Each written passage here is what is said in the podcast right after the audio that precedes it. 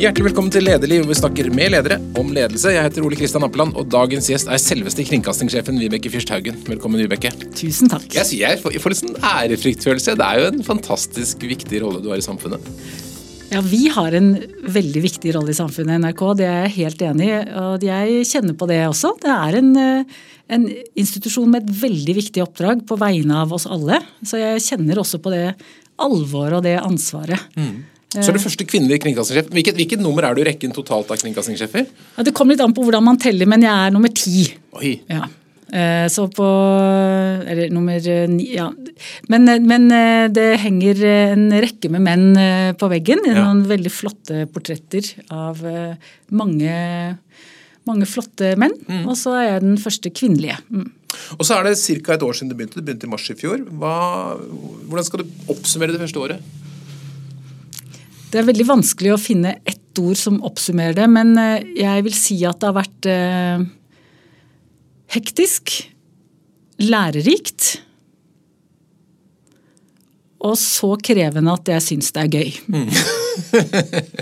Men du er jo ikke ny som leder, for du har jo vært, du har vært leder i Marienlystdivisjonen og hadde 1000 medarbeidere der, og du har gjort masse ting. Du har vært i NRK lenge, men det er jo noe annet det å være øverst. Hva, hva, hva er den største forskjellen med å være øverst? Ja, det er, en, det er en veldig stor forskjell, faktisk. Og jeg, jeg hadde jo mulighet til å, å vikariere for eh, min tidligere sjef Tor Helmund Eriksen eh, da han eh, var ute i studiepermisjon vinteren eh, 2020. Så da fikk jeg jo kjent litt på det. Og fikk kjent på at det er noe veldig annerledes enn å være på nivå to. På hvilken måte? Nei, altså Det å ha en sjef er jo Det å ha en leder og det å ha en som eh, Å ringe til og på en måte diskutere ting med og vite at det er liksom Det fins andre også. Og så har jeg jo en styreleder og et styre og mange, mange gode kollegaer. Men det er noe annet å være toppsjef. Kjenne mer på et ansvar og føler veldig på et ansvar. Som, jeg, som er annerledes enn det ansvaret jeg følte på tidligere. Eh, uten at, og så er det selvfølgelig ikke sant, det er noen formelle ting og, og mange, altså mye sånne ting. Men jeg antar at ikke det er spesifikt det du er ute etter. Men jeg kjenner at det er annerledes, og at, jeg, at det hviler mer på mine skuldre. Og at jeg er oppmerksom på en annen måte. Er det litt mer ensomt òg? Eh, ja, det, det er det. Eh, nettopp av de samme grunnene. Men det er jo også Jeg har jo en, eh, et veldig, veldig godt team og en organisasjon som jeg bryr meg veldig om, er veldig glad i og har på en måte jobbet i. mange- Så det er jo en organisasjon som det bor utrolig mye i. Så sånn sett så føles det ikke ensomt, men det er jo på en annen måte når beslutninger skal tas og avveininger skal gjøres, så er jo min rolle en annen og den er annerledes. Og enkelte ganger kan jeg kjenne på at det er eh, at det er ensomt også, ja. Ikke at det er noe Jeg syns ikke det er noe spesielt tyngende, men det er noe annet. Hva er du mest fornøyd med fra det siste året? det er alltid mest fornøyd med det innholdet som holder en sånn kvalitet at publikum eh, velger det og bryr seg om det. Eh, Det er jo det aller viktigste vi gjør. Vi har et oppdrag som er beskrevet i over 50 punkter i vedtekter og NRK-plakat. Og det første, første paragrafen er i NRK-plakaten heter jo at formålet med NRK er å dekke kulturelle og sosiale og demokratiske behov i samfunnet. Og det? Kjenn på det. Kjenn hva det er for slags ansvar. Så når vi klarer å, å levere, så har vi omsatt dette til strategi, selvfølgelig, og når vi klarer å levere på det, og knekke de 50 punktene ned i innhold som eh, treffer, eh, treffer de vi ønsker å treffe med innholdet, med allmennkringkasterinnholdet, da er jeg skikkelig fornøyd. Og det syns jeg vi gjør hver eneste dag. Vi har en omdømmemåling som heter Traction, som vi, måler 50 selskaper, eller vi måler flere, med en åpen liste med 50 som vi målt hele fjoråret fra mars til i fjor og til og med februar i år. Eh, Og der er jo NRK på topp fire, blant med svært godt omdømme sammen med Finn og Tine og Vinmonopolet. Så det er veldig gøy. Det, dere, og dere har, det er akkurat din perioden etter at du begynte, så har dere gått opp. Og så er det i tillegg økt på ledelse, gått frem. Dere er et av veldig godt, fremstår som veldig godt ledet. Og så er det også i topp tre når det gjelder etikk. altså De selskapene som folk oppfatter har, står, står for gode verdier og holdninger, er spørsmål der. Det er ganske gøy. Det er, det er kjempegøy. Og så er, eh, Jeg skal ikke ta forbehold, det er kjempegøy. Ja. Og det er vi veldig fornøyd med. Det betyr masse. Ja. Omdømme og tillit er jo, ja, tillit er jo vår viktigste valuta. Mm. Det, er, det, er, en valuta som står veldig veldig sterkt i et demokrati som vårt. Og det er jo det som vi lever av, at vi har eh, eh, høy tillit i befolkningen. Mm. Og at folk også velger å bruke oss, da selvfølgelig. Og Derfor ble vi veldig glad da vi så den målingen. Vi så mm. glad for at vi, at vi går fremover. Mm.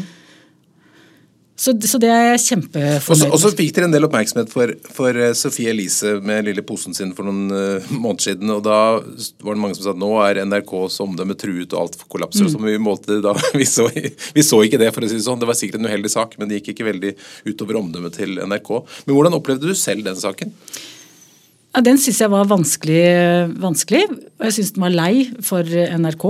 Uh, og vi målte også, fulgte veldig med på hvordan publikum opplevde oss i den perioden. Og vi så at folk altså, det gjorde inntrykk på folk at det var en uheldig sak. Så, så det merket vi på våre målinger. Mm. Eh, men da vi, da vi, leste deres eh, måling og så den, så så så vi noe som, som vi har tenkt også at det kan skje, skje ting hos oss også. Vi kan uh, vi kan også være i situasjoner som er krevende, men, men he, altså publikum opplever mer helheten enn de mm. enkeltsakene som viktige. Så jeg tror ikke den saken kommer til å forfølge oss. Det tror ikke heller. Jeg tror det er et tankskip. ja, men det er jo, men ikke sant, det, nettopp det med tillit og et godt omdømme, det betyr så mye for at vi skal kunne gjøre den viktige jobben vi gjør. Så mm. må vi, vi må klare å hele tiden eksperimentere, innovere være liksom, kjenne på pulsen og teste ut ting, samtidig som vi leverer på alt det andre. Og gjerne i kombinasjon. Så det er å bevare og fornye. Og så når er, det, når er det grensen er nådd, eller når er det vi ikke får til det? Vi kommer jo til å fort, altså Dette er jo ikke siste gang vi gjør noe som kommer til å få en type negativ oppmerksomhet, men sånn må det være. Men dere er jo eh, medieaktør selv og, og, og, jager folk rundt. Hvordan føltes det selv å være jaget? For det ble jaget litt i den saken der? Ja, det gjorde vi. Og det var eh, Nei, det, det for, for, meg personlig så, så, opplevde jeg jo det som en, eh, en spesiell situasjon å være eh, i søkelyset på den måten. Og så altså, var det jo ikke meg det handlet om, men det handlet om oss mm. og vårt omdømme. Hva lærte, hva lærte, du av det? Eller lærte du noe av det? ja, men det, så absolutt. Og vi, vi, vi, dette er jo av alle kjedelige saker så er det mange ting å lære. Så det aller viktigste når man eh, opplever den type ting, mener jeg, er jo sånn hva er det vi kan lære av dette? Og nå driver vi og trekker ut læringspunkter på mange forskjellige områder. For meg så tenkte jeg at dette her kommer til å bli en veldig nyttig erfaring. Eh, det er nyttig å stå i en sånn situasjon og kjenne på hvordan det er. For det er jo ikke en drømmesituasjon, det skal jeg innrømme. Så det, dyrekjøpte erfaringer er alltid veldig gode i mm. etterkant. Mm. mm. Nå, nå, legger vi det bak oss og så ser vi fremover. Du har jo en enormt stor oppgave eh, med denne store, flotte institusjonen. Og så skjer det jo så mye nå med teknologi og alle mulige forandringer. Hvordan, hvordan ser du for deg liksom, de kommende årene kommer til å se ut for NRK? Vi skal gjennom eh, mye i årene som kommer som virksomhet. Men det vi har, altså jeg må stadig vekk gjenta det, det er et oppdrag vi har, og det skal vi løse. Så det å levere på det oppdraget og klare å beholde en så sterk posisjon vi, som vi har, tross alt, det er det aller, aller viktigste så er jo den internasjonale konkurransen den er stadig mer intens. Eh, det er stadig større aktører med stadig mer ressurser. Mm. Og det å klare å være en tross alt liten aktør da, i det store bildet av medie- og tech-giganter, eh, det er en kjempeutfordring. Det bruker vi mye tid på når vi jobber med å utvikle strategiene våre og finne de robuste eh, måtene å håndtere denne situasjonen på. Så det, det er det aller, aller viktigste. Parallelt med det så altså Hvis vi skal klare å utvikle innhold og tilbud til publikum og fornye oss der, så må vi hele tiden også fornye oss som organisasjon. Vi må utvikle organisasjonen. Så de to tingene er like viktige. Mm. Og det har nok vi som mange andre mer og mer fokus på. Vi, altså det der, hvordan er det vi vi er en stor organisasjon, i hvert fall eh, sånn ut fra en norsk mediemålestokk så er vi en stor organisasjon. med 3200 ansatte spredd på over 50 steder i landet. Det er over 100 yrkesgrupper som jobber i NRK. Fire generasjoner hvis du tar med ettåringene i Super og de 70-åringene som er på vei ut døra. Og det å, å, utvikle en sånn organisasjon og klare å passe på at det ikke blir for byråkratisk eller for langsom, at det tar for lang tid å gjennomføre endringer, det tenker jeg mye på. Mm. Hvordan er det vi kan få opp farta i organisasjonen? Og da tenker jeg ikke på hvordan hver enkelt skal løpe fortere, men hvordan er det vi kan legge til rette for at vi skal klare å ta kjappere beslutninger, raskere endringer, få gjennomført ting raskere. Det tror jeg blir viktig for oss.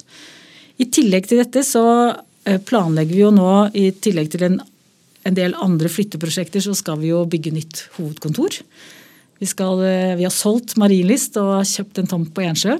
Og der skal vi bygge et stort og nytt hovedkontor.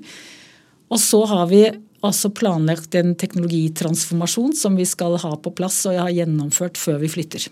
Hva innebærer den? Nei, det innebærer at vi skal, eh, at vi skal forlate mer sånn gammel kringkasterteknologi og over på IP. Liksom. Mm. Veldig enkelt sagt. Lettere, billigere og enklere tekniske ting? Ja. Mm.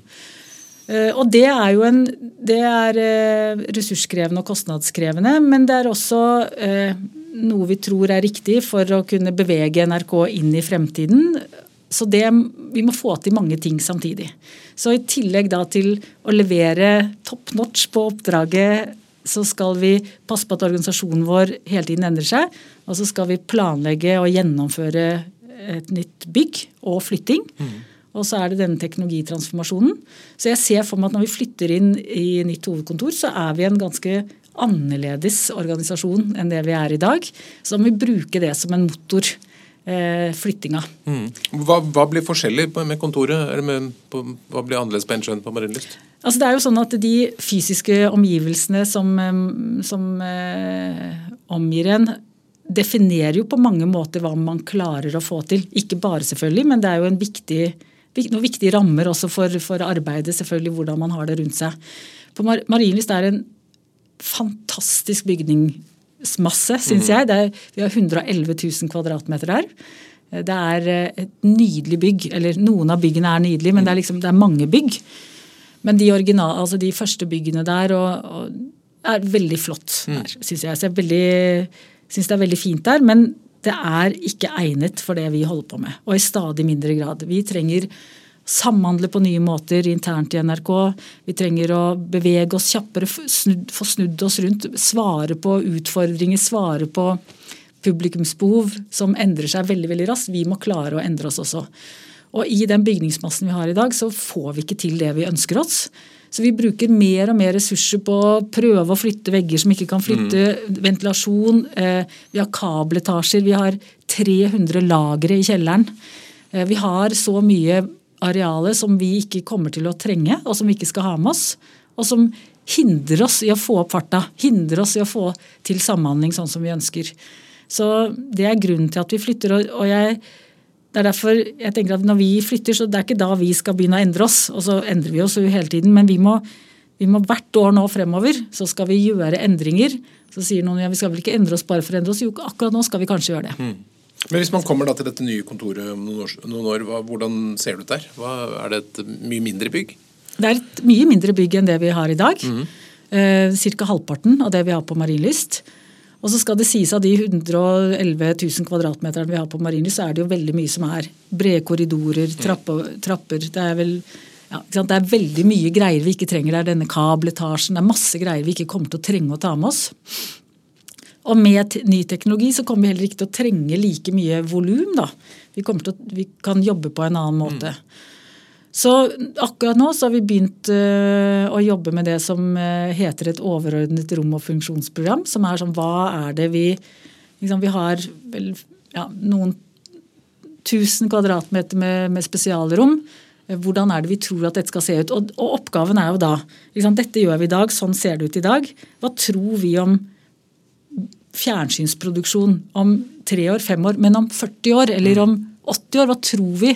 Tror vi at, at, det er forskjell på et lyd- og bildestudio? Hva tror vi om høyder under taket? Hva tror vi at vi kommer til å trenge? Hvordan tror vi at produksjonen vil se ut? da? Og hvordan tror vi utspilling vil foregå. Så det er, det er jo liksom å vri hjernene våre inn i noe som ingen kan spå. Mm.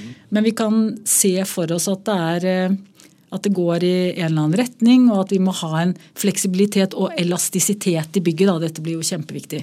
Så vi har et 200-årsperspektiv for det nye bygget. Oi. Men nå har jo Marienlyst holdt veldig lenge òg? Ja, er det ikke det, det, det, 90 år? Utrolig, ja.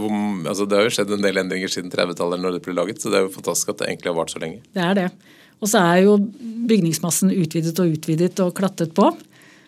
Eh, men, eh, men, den har jo virkelig, virkelig gjort jobben. Den, men er det slik at det blir mer åpent for publikum på nye? Ja. ja. Det er det vi har. Altså vi har fem sånn grunnleggende si, søyler eller pilarer eller eh, eller verdier som vi legger til grunn nå i det arbeidet vi setter i gang med. Vi ønsker at det nye bygget skal være åpent, eller i hvert fall altså at vi skal kunne være mer tilgjengelig og oppleves ikke som en stor sånn betongblokk på et jorde. Mm. Og at vi skal eh, være en god nabo. Så åpenhet. Og så er sikkerhet veldig viktig, og viktigere eh, enn det var da vi bygget Marienlyst. Det er jo en helt annen verden vi lever i. Allerede der så har du to motsetninger. da, åpenhet og sikkerhet. Ja. Men de to tingene er like viktige for oss.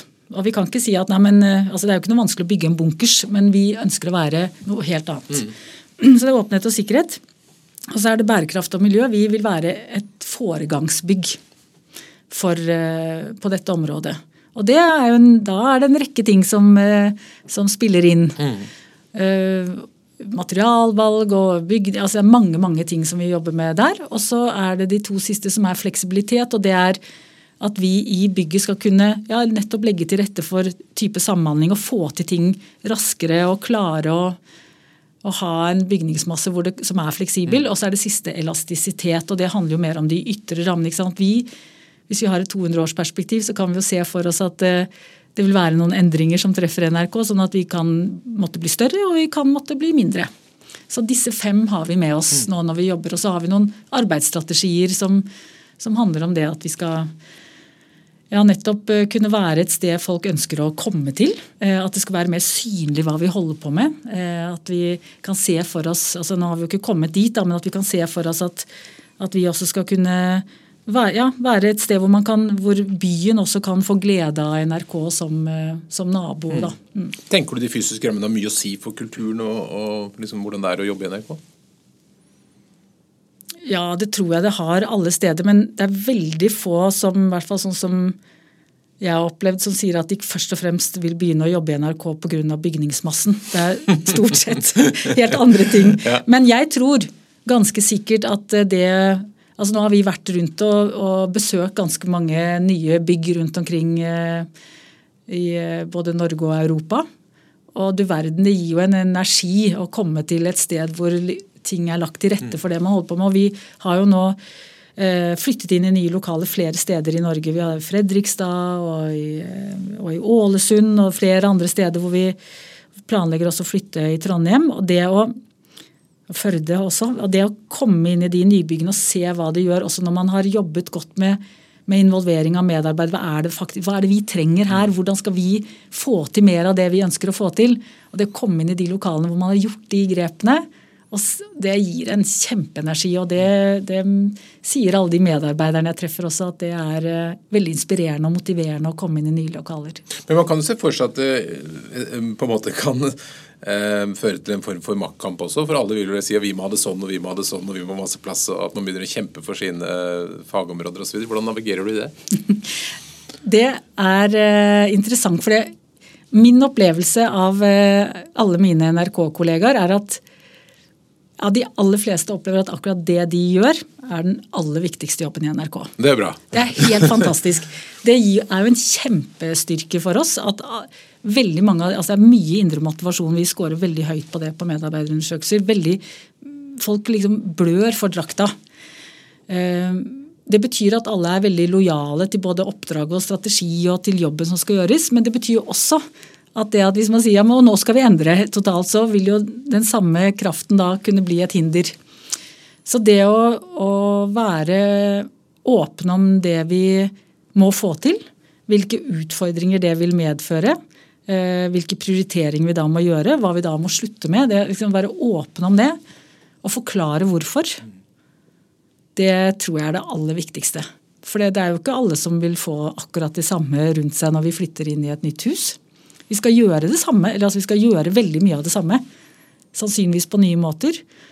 Og da må vi gjøre det. Mm. Mm. Du har jo vært gjennom mange endringer. Altså Hvis man har jobbet i NRK så har vært gjennom mange endringsprosesser, hva er liksom suksessfaktorene for å gjøre gode, gode endringsprosesser? Tror det handler om noe av det vi akkurat snakket om. altså det å Ofte så vil en, altså en endringsprosess er jo starter jo fordi at det oppstår et nytt behov, eller fordi at noen rammevilkår har endret seg, eller at vi, ja, noen ting må, må, gjøres på nye måter. Og da å være veldig liksom, tydelig på hva er det vi skal få til. Det er et veldig tydelig mål, men, men den analysen som må ligge bak det målet, og det hvorforet altså forklare, Et helt tydelig mål, mm. og så forklare. Involvere, forklare, bruke mye tid på det. Eh, det, det, er min erfaring at det er veldig viktig å gjøre. Å være litt sånn nysgjerrig på den motstanden som man da helt åpenbart vil møte. Eh, forsøke å jeg liksom, prøver av og til å tenke at jeg må være veldig nysgjerrig på den motstanden jeg møter, for det, det vil gi bedre beslutninger også. Det kan, det kan, være veldig mye viktig som ligger i den motstanden jeg egentlig mest har lyst til å mm. gå bort fra. Men å liksom være veldig sånn gå mot den da, og gå etter den motstanden for å finne ut hva den faktisk består i. Og så er det jo å Når målet er tydelig nok, og analysene ligger der, og vi bruker tid på involvering, så er det siste å, ha veldig kondis. Altså ikke, liksom, ikke, gi seg før jobben er gjort. Og det, det, det er viktig. Mm. Men mye av du sier god analyse, altså det å vite hvordan verden ser ut om 10-20-30 år, det er jo i hvert fall innenfor din sektor enormt vanskelig. Altså, hvordan jobber du for å liksom se fremtiden? Vi jobber veldig mye og grundig med våre strategiprosesser, som da liksom er rullerende og går år for år. Og så har vi jo dette oppdraget vårt med den paragrafen om sosiale, kulturelle og demokratiske behov i samfunnet, det har vi omsatt, eh, hvis jeg nå kan få lov å fortelle ja, litt om strategien. Det ja. Så er, eh, har vi nå akkurat i år så har vi laget en, eh, et nytt strategidokument som er på én side, som har alle NRKs strategier innbakt i seg. Det er første gang vi har hatt mange flere strategier, men nå har vi liksom ett strategikart. Så bra.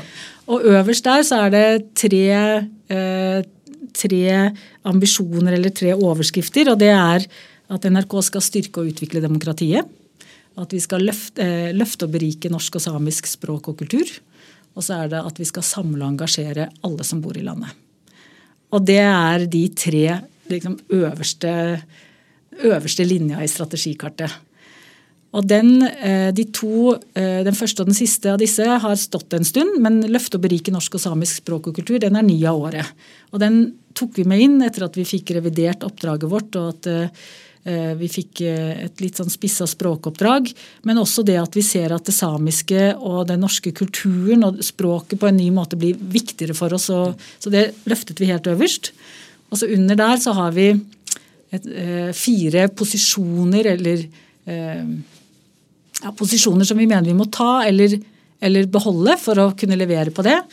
Og det er eh, Sier jeg dem også? Ja, ja det er kjempegøy. Ja, Ja, koser meg. Eh, og det eh, første handler om å, å liksom skape de leirbålene. Da. Det, hva er det som gjør at folk samler seg? Det kan jo være stor underholdning. Det kan være stor eller liten sport. Det kan være de, altså de der Dagsrevyen. Mm. Det som samler og skaper en type følelse av et fellesskap.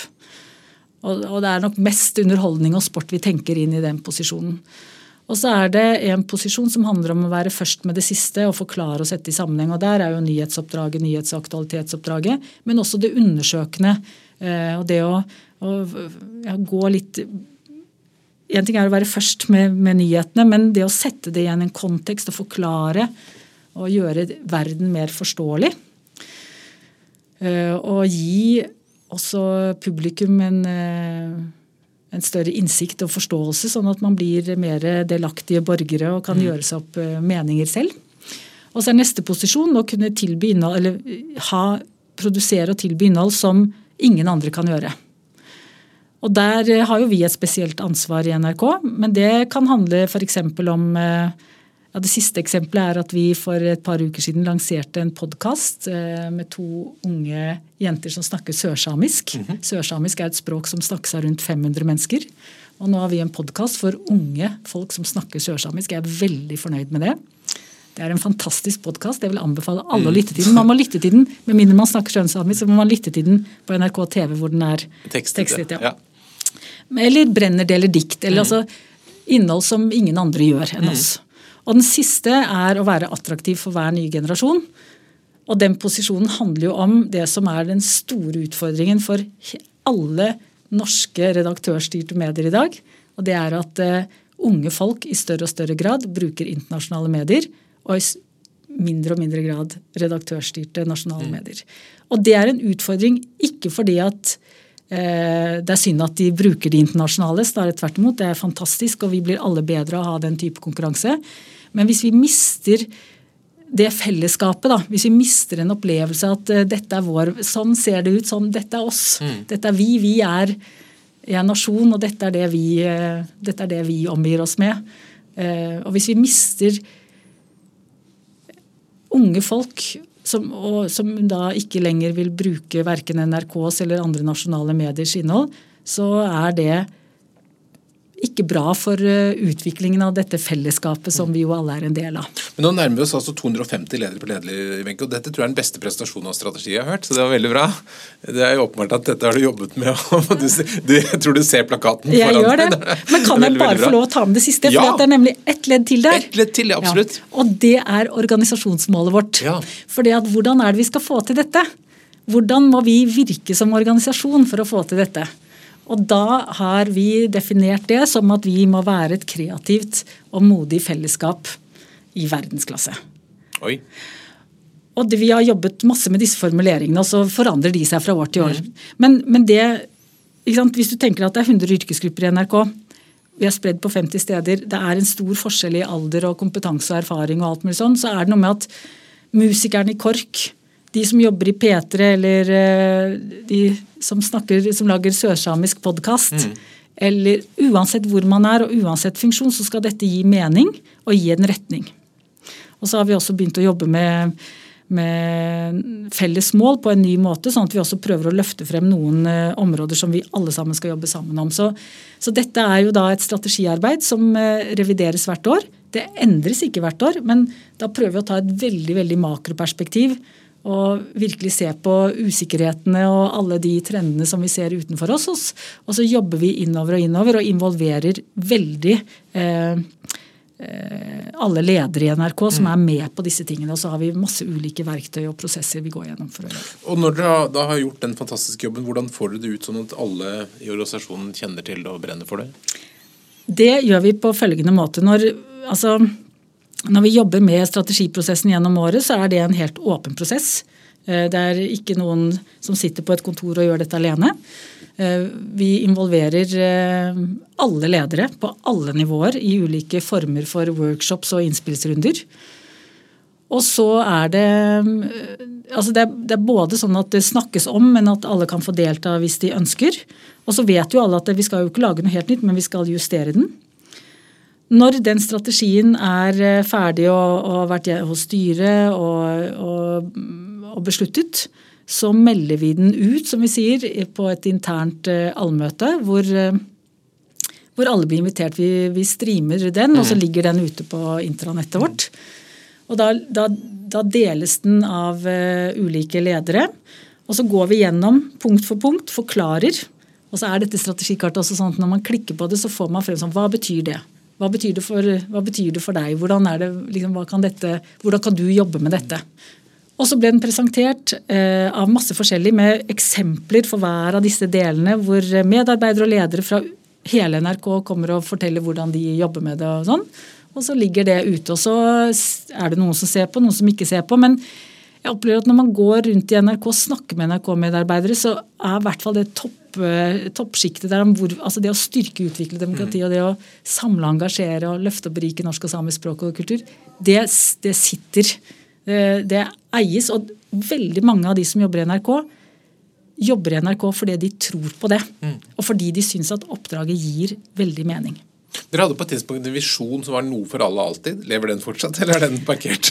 Den, eh, den lever ikke i strategikartet på den måten, men, men det, det, jo, du hører jo at det bygger på noe av det samme. Mm. At eh, vi skal hvis man sier, Før så sa vi noe for alle alltid, og da ja, samle og engasjere alle som mm. bor i landet.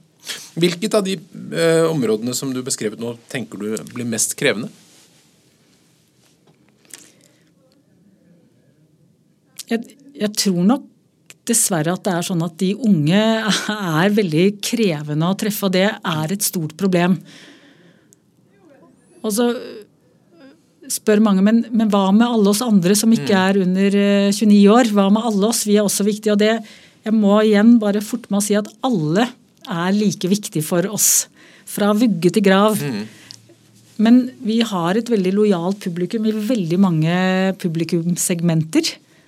Og i gamle dager da jeg vokste opp, så var det sånn at vi så på barne-TV. Vi ble dratt inn i det ja, med leikestove. Ja. Vi ble dratt inn i det. Og så når vi ble ungdommer, så tok vi avstand. Og så fra NRK. Og så når vi ble voksne og oss, ble, eller ble foreldre selv, så ble det veldig naturlig å komme tilbake til NRK og sette barna foran eh, fjernsynet eller radioen. Mm. Sånn er det ikke lenger. Nå er det flere og flere som eh, ikke vokser opp med NRK. Vi ser at eh, NRK Super, som er NRKs tilbud til barn, at vi der faller barna fra tidligere og tidligere mm. fordi at de Eh, se på helt andre ting. De har hele verden på paden De har hele verden. Mm. Så det, og da må vi, vi må forsøke å skape en eller annen form for om ikke lojalitet, vi må i hvert fall være relevante for dem. Da, sånn at mm. de vet at å ja, er det noe jeg har lyst til å se, så, vi, så må jeg lete. Og grunnen til at vi tenker at det er viktig, er at hvis man oppdager NRK tidlig, så vil man også veldig fort bli eksponert for hele bredden av, eh, av vårt innhold. Og da kan vi levere på oppdraget. Mm. Og det var jo noe av dette som var eh, en av tankene også med, med, med, mye av det vi gjør, men også med podkasten Sofie Elise og Fetisha, at eh, mange unge kvinner i den eh, aldersgruppen 18-29 forholder seg ikke til NRK på den måten vi skulle ønske. Mm. De vet ikke om hvilke tilbud vi har. Og ved å ha noe som de opplever som veldig relevant, så kan vi rett i halen på det tilby dem andre ting. Så 30% av de som lyttet til den podkasten av uh, Eh, et ungt norsk mm. publikum, de fant veien videre til Oppdatert, til Lørdagsrådet, til andre ting som de ikke forholdt seg til før. Men da burde du ikke kasta ut disse jentene? Det var mange ulike grunner til at det ble sånn, og så må vi finne nye måter å engasjere på nå. Mm. Men dere, vi snakker om podkast, og der har dere gjort en veldig stor satsing. Jeg la merke til at uh, på de siste medietallene som kom nå, så var jo radiolytting, daglig radiolytting nede 49% Så vi som hører, har radio som en viktig del av livet, er nå en minoritet. um, mye av det skyldes vel DAB-innføringen, vil jeg tro. for noen år siden. Eller er det, er det internasjonal trend at radio er i ferd med å miste grepet? Eh, lineær, altså alt lineært er i ferd med å Det synker. Mm. Men, men, lyden har jo vært gjennom en gullalder eh, med podkast osv. Så, videre. så noe av det man altså det vi så på TV for noen år siden, at, eh, at strømmetjenestene kom, og at eh, publikum fikk nye vaner og var, liksom ikke ville forholde seg til et klokkeslett og en mm. ukedag, men begynte å konsumere levende bilder på en annen måte. Det så vi jo på lyd litt senere. Så det er ikke lyd som forsvinner, det er lineære som forsvinner? Ja. Mm. Det, men det er jo klart at det er et marked som jo har blitt helt, altså som har vokst voldsomt. Og Spørsmålet er jo hvor mye Folk har jo 24 timer i døgnet. Mm. Så, så, alt det vi holder på med, er jo enkelt omskrevet kampen om folks tid og oppmerksomhet. Men nå er jo eh, NRK fortsatt, etter hva jeg vet, da, preget av eh, mennesker som skriver, og mennesker som snakker i radio, og mennesker som snakker på TV. Men med nye AI-løsninger, eller KI, som vi prøver å si, kunstig intelligens-løsninger, så kan man se for seg at mye av dette kan gjøres av maskiner etter hvert. Hvordan, hvordan kaster kunstig intelligens om på alt? Dette Eller gjør det det? ja, nei, men Vi snakker mye om dette mm. om dagen. Og så hadde vi et uh, stort utvidet redaktørforum her i forrige uke hvor dette var et tema. Og Jeg tror vi alle sammen sitter med en sånn opplevelse at her ligger vi bakpå. Hvordan vil det påvirke oss? Hvordan skal vi forholde oss til det? Hvordan skal vi behandle det journalistisk og redaksjonelt? Vi kjenner på sånn Jeg kan ikke nok om dette. Uh, og det skjønte jeg på vår ekspert på området, Eirik Solheim, eh, han sa at det, det, er nok en sånn opplevelse de aller fleste har. Det skal godt gjøres å føle seg i forkant eller oppå den bølgen, for det går så fort og er så voldsomt. så må vi følge med på det. Og så, alle som har vært så vidt borti det og prøvd det og matet eh, chat-GPT med noen, eh, med noen eh, stikkord og kommandoer, mm. ser jo hva som kommer ut av det på rekordtid. Og det er jo veldig fascinerende. Jeg syns det er veldig fascinerende. Og så har det jo også noen litt skremmende sider. Jeg tror det vil påvirke oss i veldig stor grad. Og så må vi som mediehus og i den norske mediebransjen vi må forsøke å finne ut av hvordan er det vi skal forholde oss til dette. Det er jo masse eh, ulike spørsmål og problemstillinger som dukker opp i kjølvannet av dette. Men jeg kan ikke si eh, veldig enkelt hva dette kommer til å bety for oss. Men vi må følge veldig godt med på det. Og så må vi passe på at vi, eh, at vi får håndtert det på en ordentlig måte, sånn at, ikke vi blir, eh, at det ikke treffer oss i bakhodet. Mm. Men du har jo da et, et, enormt stort ansvar, og det skjer veldig mye, både nasjonalt og globalt. Hvordan klarer du å holde deg oppdatert om alt som skjer? Det, det, gjør jeg nok ikke, men vi er heldigvis mange som gjør dette Nei. Mm. sammen. Mm. Eh, og vi er, det er, det er et stort hus, og det er veldig mange, veldig mange flinke folk som har eh, sine ansvarsområder. Så det er på ingen måte jeg som gjør dette alene eller holder meg oppdatert på alt dette alene. Men, det, men vi er et, eh, et, lag. Og så har vi eh, så langt klart å fornye oss i takt med utviklingen. Og mm. det er min soleklare ambisjon at vi skal fortsette å få til det. Mm. Hvordan prioriterer du tiden din? Hva bruker du mest tid på? Jeg bruker mest tid eh, sammen med ledergruppa mi. Vi bruker veldig mye tid sammen på Og, ikke alle hele tiden, men, eh, men, vi er jo en organisasjon som er delt inn i ni divisjoner med fire innholdsdivisjoner. Og så er det en eh, stor teknologidivisjon, og så eh, er det økonomi og HR og organisasjon. og også strategi og medier, som er de som har helheten. Så, så vi, vi, bruker mye tid på helhet. Vi mm. bruker mye tid på å forstå eh, de stadig endrede omgivelsene våre, og hvordan er det vi skal navigere i dette? Hvilke ting er det vi skal gjøre nå? Hva er det vi må gjøre på kort sikt? Hva må vi gjøre på lang sikt? Så det jeg tror det ligner veldig mye på alle andre lederjobber. Det å klare å drive både den daglige driften med kontinuerlig forbedring, og det også drive med hele tiden utvikling og innovasjon. Mm. Og så mer og mer å håndtere hendelser og kriser. Så men føler du at du er på et liksom, Hvis vi strekker ut NRKs historie, føler du at du er inne på et spesielt kritisk punkt nå? Eller er dette på en måte business as usual som har vært de siste 70 årene? Eller hvor lenge det er? Nei, jeg, jeg tror faktisk ikke at dette er så spesielt. Altså, AI vil, gjør, er noe helt revolusjonerende. Mm. Det kommer til å, å, påvirke oss alle. I mye større grad enn alle, alle andre ting som har skjedd mm. siste, de siste tiårene. Men, men øh, ellers så tenker jeg, synes at hvert eneste år så har vi sagt sånn nei, nå går det fort, nå er det vanskelig, nå er det kompleks. Og så har jeg aldri opplevd at det har blitt noe mindre av det. Så jeg tenker at nei, dette er, eh, sånn er det. Det er vel liksom Du snakket om Platon, at ungdommen var fæl og sånn. Altså. Det er noen ting som, som, er bestandig. Eh, men du, du nevnte uh, at du kommuniserer med, med, de ansatte på allmøter bl.a. Si litt om hvordan tenker du at du skal være for den jevne NRK-ansatte? Hvordan vil du at de skal oppleve deg?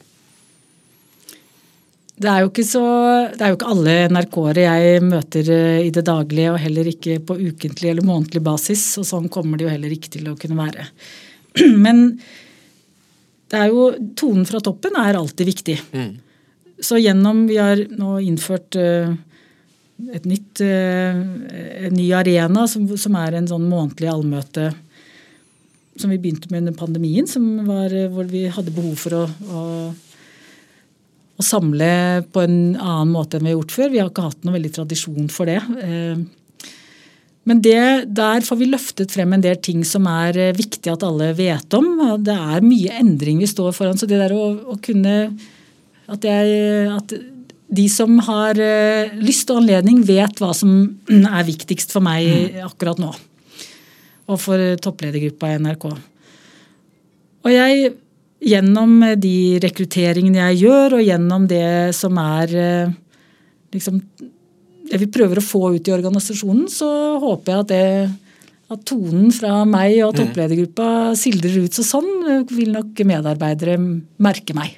Så du, du tenker at du, du, sprer god energi i organisasjonen? det, det, håper jeg jo, men ja. Nei, men vi er jo Nå er jo jeg leder etter uh, Tor Gjermund Eriksen, som var en litt annen leder, men ikke så forskjellig. Men vi er jo forskjellige typer og mm. løser rollen på, på ulike måter. Men det er, en, det er, ikke en, helt annen tone og en helt annen, det er ikke noe helt annet som gjelder nå.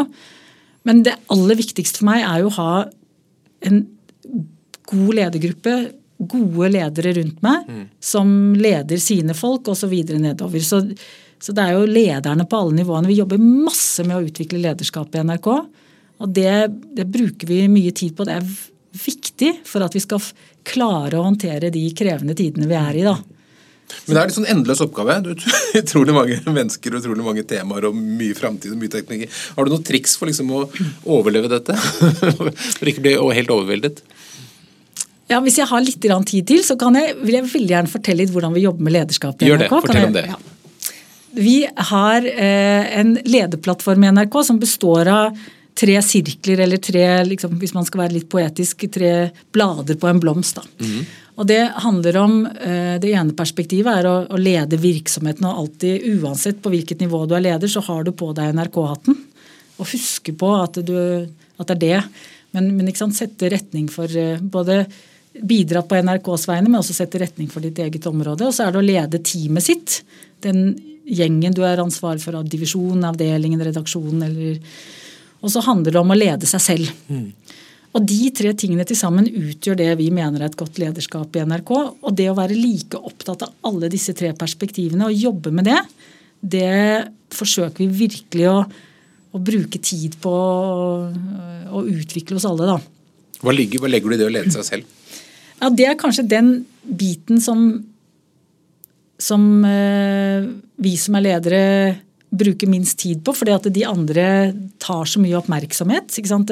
Mange ledere vil kjenne seg, og medarbeidere vil kjenne seg igjen det hamsterhjulet hvor mm. du liksom må få gjort unna ting. Og Hvis vi tenker på det som er viktig for en leder, jeg mener at det, ja, det er å, å, holde på med ja, kontinuerlig forbedring, drive innovasjon, håndtere liksom hendelser som dukker opp. Alt dette, men, men det å klare å utvikle seg selv som menneske og leder, Sånn at vi ikke stagnerer, eller sånn at vi klarer å, å stadig vekk håndtere nye ting. Og, og for meg det, handler det om å være oppmerk, liksom oppmerksom på å forstå hvordan er det jeg virker på andre. Hva er, som, hva er det som, irriterer meg, hva er det som stopper meg? Hvorfor syns jeg dette er mer krevende enn det, f.eks.? Og så forsøker jeg å være oppmerksom på en del sånn, ha med meg noen sånne ting som jeg prøver å strekke meg litt etter i hverdagen min. da. Mm. Prøver å, å liksom, Hvis jeg opplever at noe er spesielt vanskelig, så tenker jeg at da skal jeg gå rett mot det. Liksom, prøve å minne meg selv på det. Er det noe du jobber for å bli flinkere på akkurat nå? Nei, ikke akkurat nå. Jeg syns at dette er kontinuerlig. Det at ja, tørre å gjøre ting som er eh, vanskelig. Liksom ikke vike unna vanskelige mm. ting.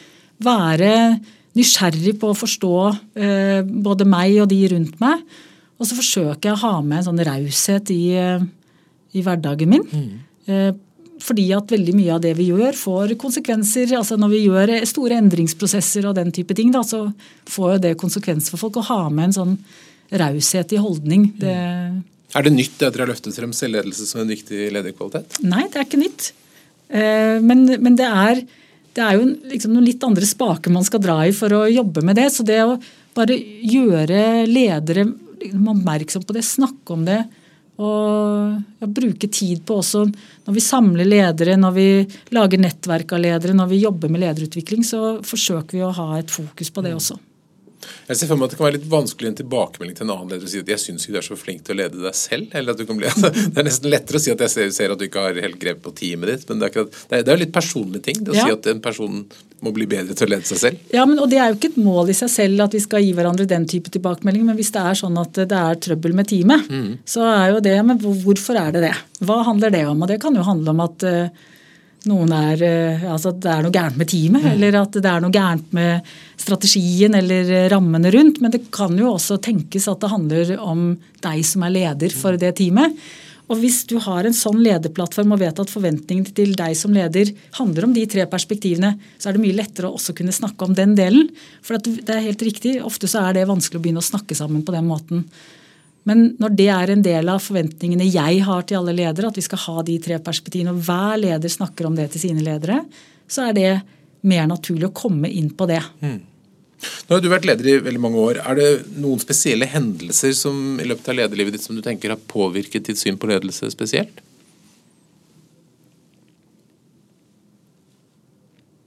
Ikke noen helt spesielle hendelser. Men det er jo i alle de årene jeg har vært leder, så har jeg jo blitt eh, inspirert og motivert av mange ledere jeg har hatt selv. Eh, vi snakket om Tor Gjermund Eriksen i mhm. stad. Han har vært veldig inspirert og motivert av han som leder, og mange andre NRK-kollegaer og ledere. Og så har jeg jo hatt uh, mulighet til å bli kjent med mange gjennom uh, jobben min også. Det er uh, veldig mange fine folk jeg har truffet som inspirerer meg. Jeg blir veldig inspirert av mange medarbeidere og mellomledere også. Mm. Og, så det er ikke noen Ingen spesielle hendelser jeg har lyst til Jeg sjekket litt rundt der på forhånd, og som sa hun er veldig glad i mennesker. Så, så, så det tror jeg stemmer. Ja, det, og det, ikke sant, NRK er lagarbeid. Mm. Og det er jeg veldig glad i. Man må kanskje være glad i mennesker for en god leder? Eller bør det, kanskje? Ja, i hvert fall hvis, hvis, mennesker er en del av virksomheten. det man skal lede. Helt klart. Um, hvis du tenker um, NRK da, når du har Jeg vet ikke hvor lenge du skal ha den jobben, du skal ha en del år, så du skal sikkert være med å flytte i hvert fall. Ser det veldig annerledes ut om ti år, eksempelvis? Ja, det tror jeg det mm. gjør. Jeg tror at det ser annerledes ut. Det vil være ting som virker ganske likt. Og det er mange som kan si NRK, men eh, jeg har vært der nå i så lang tid, og ingenting har skjedd, og nå sånn. Men det er jo ikke helt sånn, for selv om vi har en del funksjoner som heter det samme, som har samme merkelapp, eller vi har noen prosesser som ligner, så er det helt nye måter å gjøre det på. Det er ny kompetanse som er inni det. Vi, ja, jeg tror vi vil se veldig annerledes ut, men jeg håper at for publikum så vil det være sånn at de opplever at vi faktisk leverer på det vi sier at vi skal, og at vi oppfyller oppdraget. Det er jo det aller viktigste også i fremtiden. Men vi kommer til å måtte gjøre ting helt annerledes. Vi kommer til å måtte gjøre det raskere, mer effektivt, billigere, smartere. Og det er det vi må finne ut av. Det aller verste som kan skje for oss, er at vi ikke klarer å utvikle oss i tråd med de, de omgivelsene som endrer seg så mm. fort.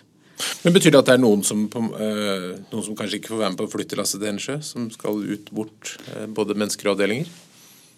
Altså det, det, er ikke sånn at eh, det å flytte først og fremst handler om at vi skal gjøre mindre av noe eller at noen skal bort, men vi kommer til å se annerledes ut. Mm. Og det gjør vi helt uavhengig av den flyttingen. Så kommer NRK ikke til å være samme eh, virksomhet om ti år som den er i dag. Mm. Og det handler ikke om flytting. Men flyttingen igjen, det er en motor for at vi kan sette mer fart på en del av den utviklingen. Og så er jeg helt sikker på at det er en god del funksjoner vi ikke kommer til å ha, på samme måte som det er en god del funksjoner vi kommer til å ha som vi ikke vet om i dag. Så vi har jo brukt nå det siste tiåret på å endre kompetanseprofilen i NRK. Eh, over 1000 som har sluttet, mens 500 nye har begynt.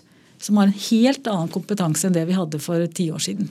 Er det en ubehagelig del av jobben? Det måtte si til noen at dere skal ikke videre? Ja, det syns jeg er eh, det aller vanskeligste som eh, Det er noe av det aller vanskeligste å stå i som leder. Og så nå i min nye rolle så er ikke jeg liksom like tett på de prosessene, selv om jeg er, eh, selv om jeg er en absolutt en del av beslutningen, mm. så er det ikke jeg som står i de prosessene og gjennomfører det. Men jeg syns at noen av de mest krevende tingene jeg har stått i som leder, er de store omstillingsprosessene hvor jeg har måttet fortelle at denne avdelingen skal halveres. Mm.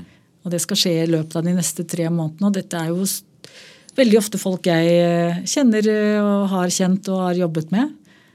Og det er det noen god måte å gjøre det på? Har du triks? Det er sikkert ganske mange som føler at akkurat det er det verste man kan gjøre. Mm. Hvordan gjør man det best mulig?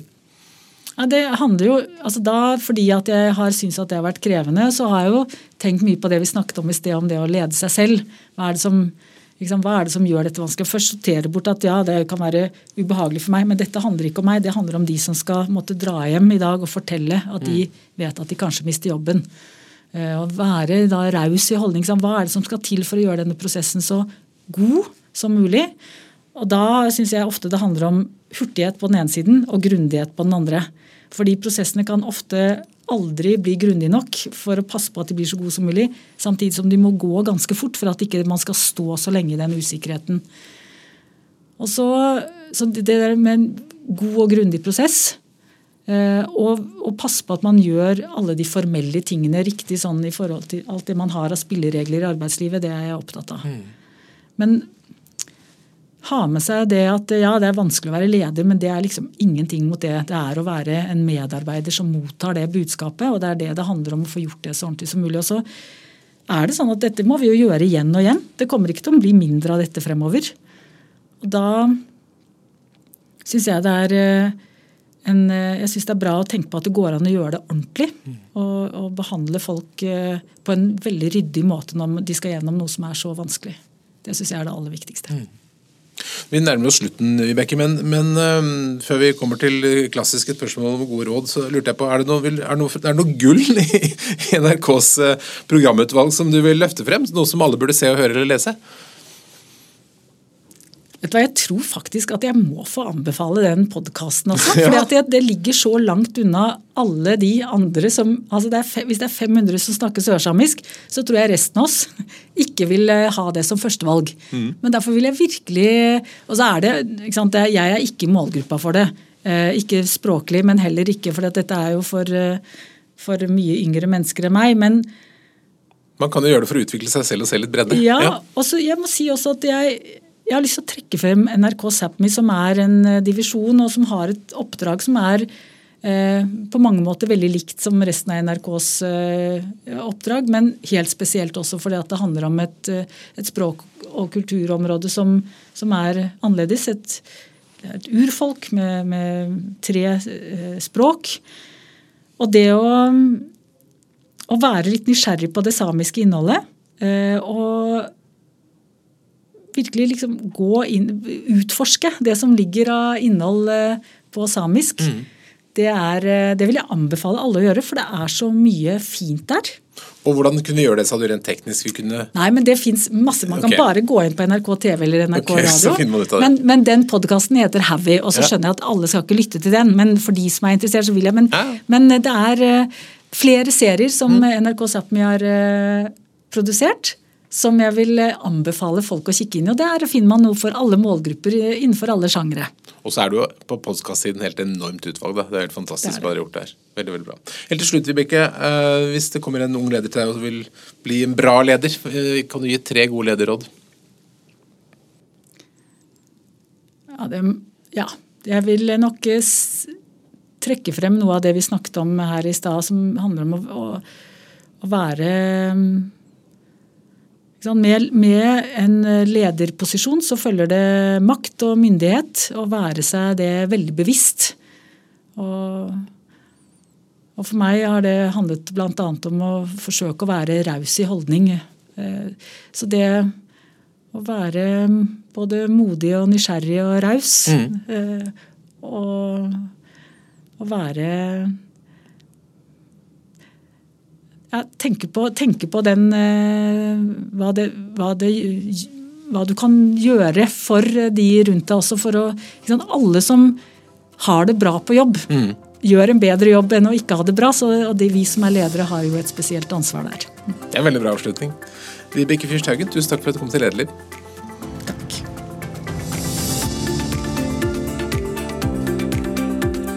Takk for at du lytter på Lederliv, som er en podkast fra Apeland. Redaksjonen består av Ingrid Hogneland, Johanna Eidsvoll, Lars Jarle Melum og meg som heter Ole Kristian Apeland. Og vi er veldig takknemlige for ros, ris, tips om leder eller hva du måtte ønske, til e-post ole at apeland.no.